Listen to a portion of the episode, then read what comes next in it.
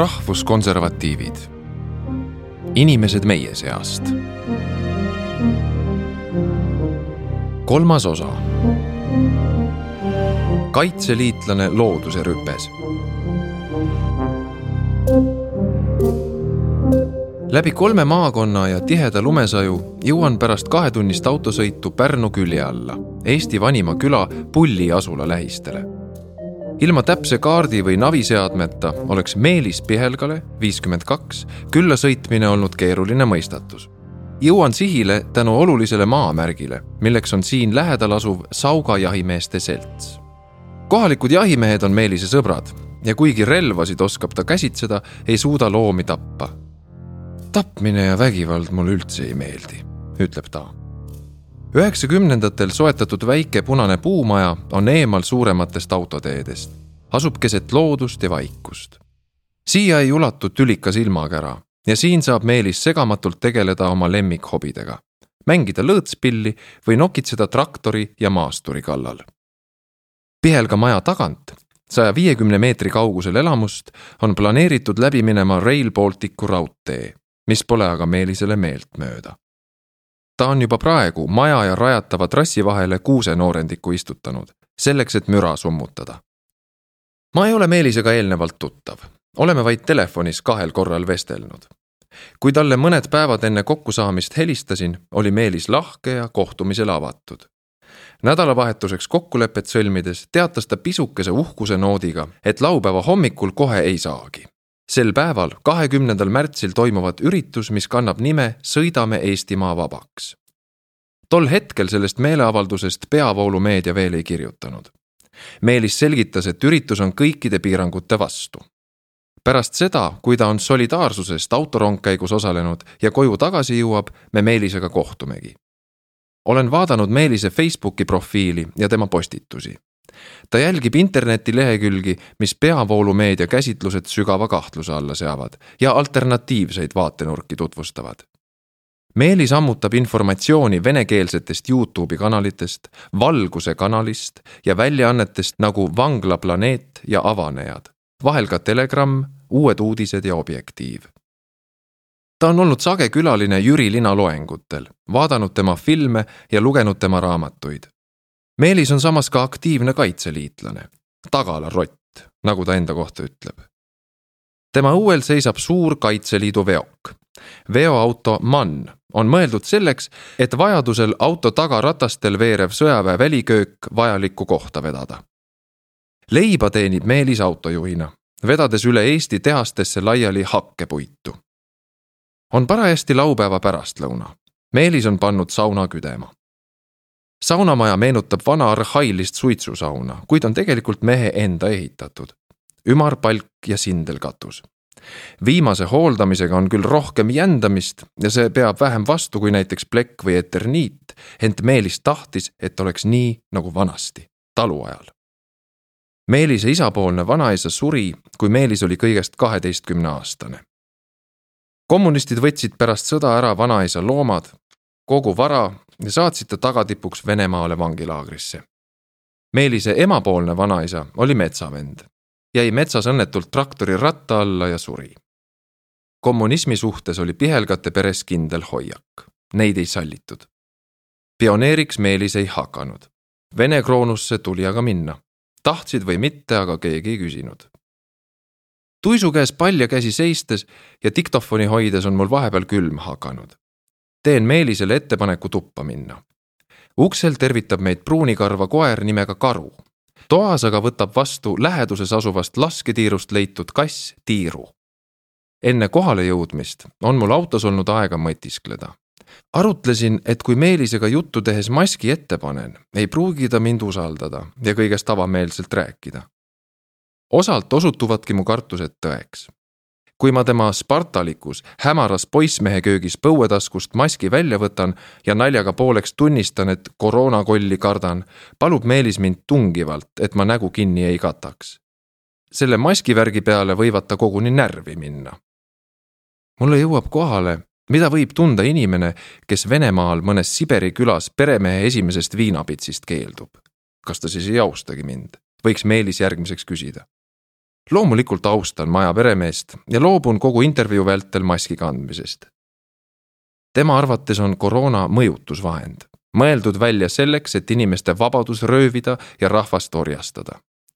see on ikka nii ülespuhutud asi, on kuritegelik, mis meie inimestega praegu üle maailma tehakse, leiab Meelis laua taha istudes.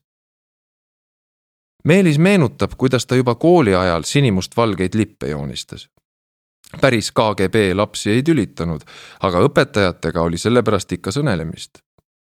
Eesti-meelsust tehti koolis ju maha ja Meelise arvates toimub praegu täpselt seesama asi. sõnavabaduse piiramine, nagu ta meil käib. kõik rahvuslik surutakse alla. mida Brüssel käsib, seda meie käpiknukud teevad, eesotsas Buratinoga, pahandab ta. juba lapsena oli Meelis maapoiss käis vagude muldamiseks oma kodukoha lähedal küla pealt hobust toomas. tollast külaelu mäletab ta elava ja idüllilisena. sõnnikuveod, heinateod, õhtul oli simman ja lõõtspill mängis, koduõlu käis ringi, miski ei saa ju ilusam olla. taluelu elati harmoonias loodusega, maal on loomulik keskkond, linnas on inimesed sunnitud karbis koos elama, leiab ta päris nii ilusat elu kahjuks maal enam pole kuid Meelis on sõpradele kümmekond aastat tagasi ka ise sarnaseid üritusi korraldanud. õe pulmatki on just tema enda talus maha peetud.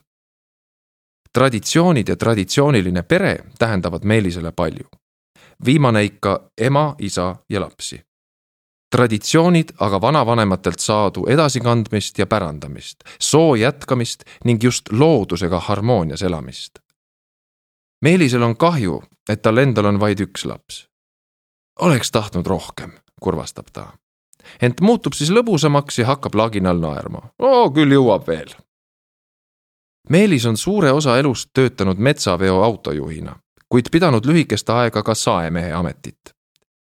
perestroika ajast mäletab ta allkirjade kogumisi Tallinna tänavatelt.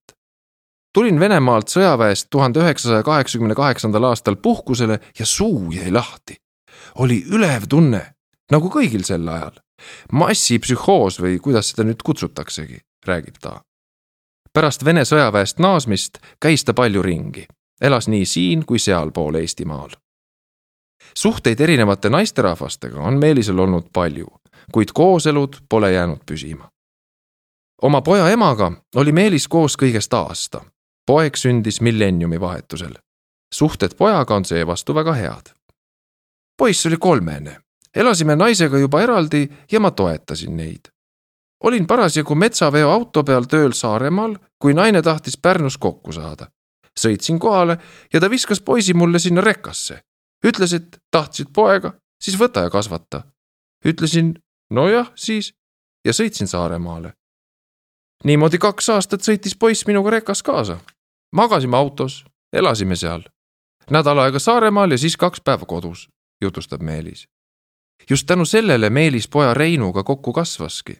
ka Rein on EKRE toetaja. isa eeskujul mängib ta lõõtspilli, esineb üritustel ja kuulub Pärnumaa lõõtspilli haigete seltsi. pärast Eesti iseseisvumist oli Meelis apoliitiline. teda ei huvitanud, kuidas Laar ja Savisaar omavahel võitlesid.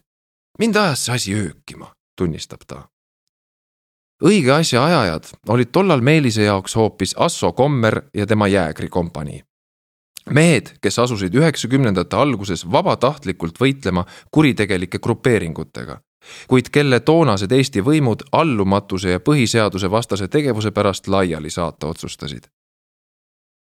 Pihelgas ise tollastes dramaatilistes sündmustes ei osalenud ja astus Kaitseliitu alles kahe tuhande kaheteistkümnendal aastal. ent see, mis toimus kahe tuhande seitsmendal aastal Tallinnas, ei jätnud tedagi poliitika vastu ükskõikseks krõps käis mul pronksiööga ära siis kõik muutus. vaatasin telekat ja käed värisesid. tekkis tunne, et tahaks selle tibla mättasse lüüa. muutub Meelis emotsionaalseks. ta jätkab. Ansip lubas, et kõik saavad karmilt karistada, aga mis pärast juhtus? kõik mõisteti õigeks. pronksiöö aegu ei olnud Meelis veel netikasutaja, polnud ka EKRE-t, kes oleks ühesuguste vaadetega inimesi ühendanud sai ainult sõprade ringis kiruda, muud võimalust ju polnudki, meenutab Meelis Meelis astus oma õemehe mõjul kahe tuhande seitsmenda aasta paiku Eesti Iseseisvuspartei liikmeks. kui ma seda seltskonda tundma õppisin, leidsin sealt väga palju mõttekaaslasi. Nendega käin siiani läbi, selgitab ta. ent Iseseisvuspartei ei ole saavutanud märkimisväärset populaarsust. ideeliselt kõige lähemal neile ongi Meelise arvates nüüd EKRE minu jaoks on esikohal pagulaste ja muidugi ka homo teema mul pole homode vastu midagi, las nad tegutsevad. aga miks seda lastele peale aetakse? raamatuid kirjutatakse ringi, see on mulle vastuvõetamatu. EKRE on ainuke, kes neil teemadel sõna võtab, seletab Meelis. ka tema Kaitseliidu sõbrad on iseseisvuspartei liikmed ja kõik nad hääletasid valimistel EKRE poolt. ka paljud töökaaslased on EKRE pooldajad. Meelis arvab, et majandus hakkas EKRE valitsuses oleku ajal toimima kuid koroona ajas asja segi. see, et Keskerakond EKRE-le selja pööras ja Reformierakonnaga uue koalitsiooni moodustas, oli Meelise arvates täielik riigipööre. ent kõikides küsimustes pihelgas siiski EKRE-t ei toeta. näiteks on ta veendunud vaktsiinivastane. mingisugune oma mõte peab ju olema, ma ei ole mingi lammas, ma suudan oma peaga ka mõelda, torkab ta Pole vahet, millisest erakonnast peale EKRE rääkida, kõik nad on ühe puuga löödud ka Isamaas on täielikud reeturid. Meelis on kindel, et on teatud jõud, kelle eesmärk on Eesti rahvas, ka eestlased ja siinsed venelased omavahel tülli ajada. sellepärast sunnitakse meile peale ka homopoliitikat. seda neil vaja ongi, nõrgestada rahvusriiki, poetab ta. Meelist kogu see maailma lammutajate süsteem huvitab. ent kes ikkagi seda maailma siis lammutavad? see asi läheb nii ulmeliseks, et seal on kaasatud isegi maavälised jõud. vabamüürlased on tulnukate mõju all ja läbi nende see asi käib. Rockefellerid, Rothschildid ja siis tulevad väiksemad nimed nagu Soros ja teised, seletab Meelis ja lisab, et tuhande üheksasaja kolmekümnendate majanduskriis USA-s oli tegelikult samuti tollase eliidi korraldatud. selle kohta, et Jaak Madisson fašistlikku Saksamaa majandust kiitis, ei ütle Meelis ühtegi halba sõna. kõik see on õige nendib ta lühidalt. Hitleri heateoks nimetab Meelis ise seda, et suur juht kaotas pangalaenudelt intressid. kõige tähtsam maamunal oli põllumees. maaelu hakkas arenema ja Saksamaa sai mõne aastaga maailma kõige rikkamaks riigiks, kiidab Meelis. uurin, kas teda ennast Hitler ka kuidagi kõnetab. no ta on mul siin, osutab Meelis köögiseinale. seinal ripub Hitlerit kujutav bareljeef mille Meelis kogemata ühelt laadalt leidis. Meelise magamistoa seinal ilutseb ka haakristiga lipp. ent neid sümboleid Meelis EKRE-ga ei seosta. natsionaalsotsialism on talle sümpaatne. mis tähendab natsionaalsotsialism, küsib Meelis ja vastab kohe ise. see tähendab, et oma rahvast hoolitakse. ma olen natsionaalsotsialismi põhimõtted läbi lugenud, see on ju ideaalühiskond, kiidab ta Hitler ei tahtnud maailma vallutada, nii nagu seda meile näidatud on. inglased provotseerisid. Saksamaal ideaalühiskond juba tegelikult toimis. küsin edasi, kas Hitler ka midagi valesti tegi? igaüks teeb ju vigu, ideaalseid inimesi pole olemas, tõdeb ta. Meelis on üks neist, kes usub, et holokaust on väljamõeldis ja ütleb, et teises maailmasõjas tapsid venelased märksa rohkem inimesi kui sakslased Meelis on asja põhjalikult uurinud ja toob lagedale veel hulga alternatiivseid väiteid Teise maailmasõja kohta. koonduslaagrites hukkusid inimesed sellepärast, et liitlased pommitasid Saksamaad. ühendusteed linnadega katkesid ning seal polnud olud enne seda nii halvad, kui meile on püütud näidata. laagrites olid kinod, spordisaalid, isegi prostituudid ja seda ka vangidele, loetleb ta. ning lisab, et korraldati koguni spordivõistlusi meil on väga palju valetatud, ohkab Meelis. Eestis ei lähe Meelise arvates elu enne paremaks, kui riik vabaks saab. sest praegune Eesti ei ole vaba. ta on mõelnud, et Eesti võiks olla kuningriik ja kuningas võiks olla valitud Eesti rahva seast. praegune demokraatia on Meelise arvates täielik diktatuur ta ei eita, et ühiskonna lõhestatuse tõttu võivad Eestis asjad hapuks minna lõpuks aetakse inimesed nii tagajalgadele, et ka see külm eestlane tuleb tänavale, arvab Meelis. samas rõhutab ta taas, et on igasuguse vägivalla vastu. miks me peaksime seda pronksiööd ise kordama? mitte mingil juhul, see on täielikult välistatud. alati peab saama asjad rahulikult aetud. me oleme ju inimesed, tõdeb Meelis.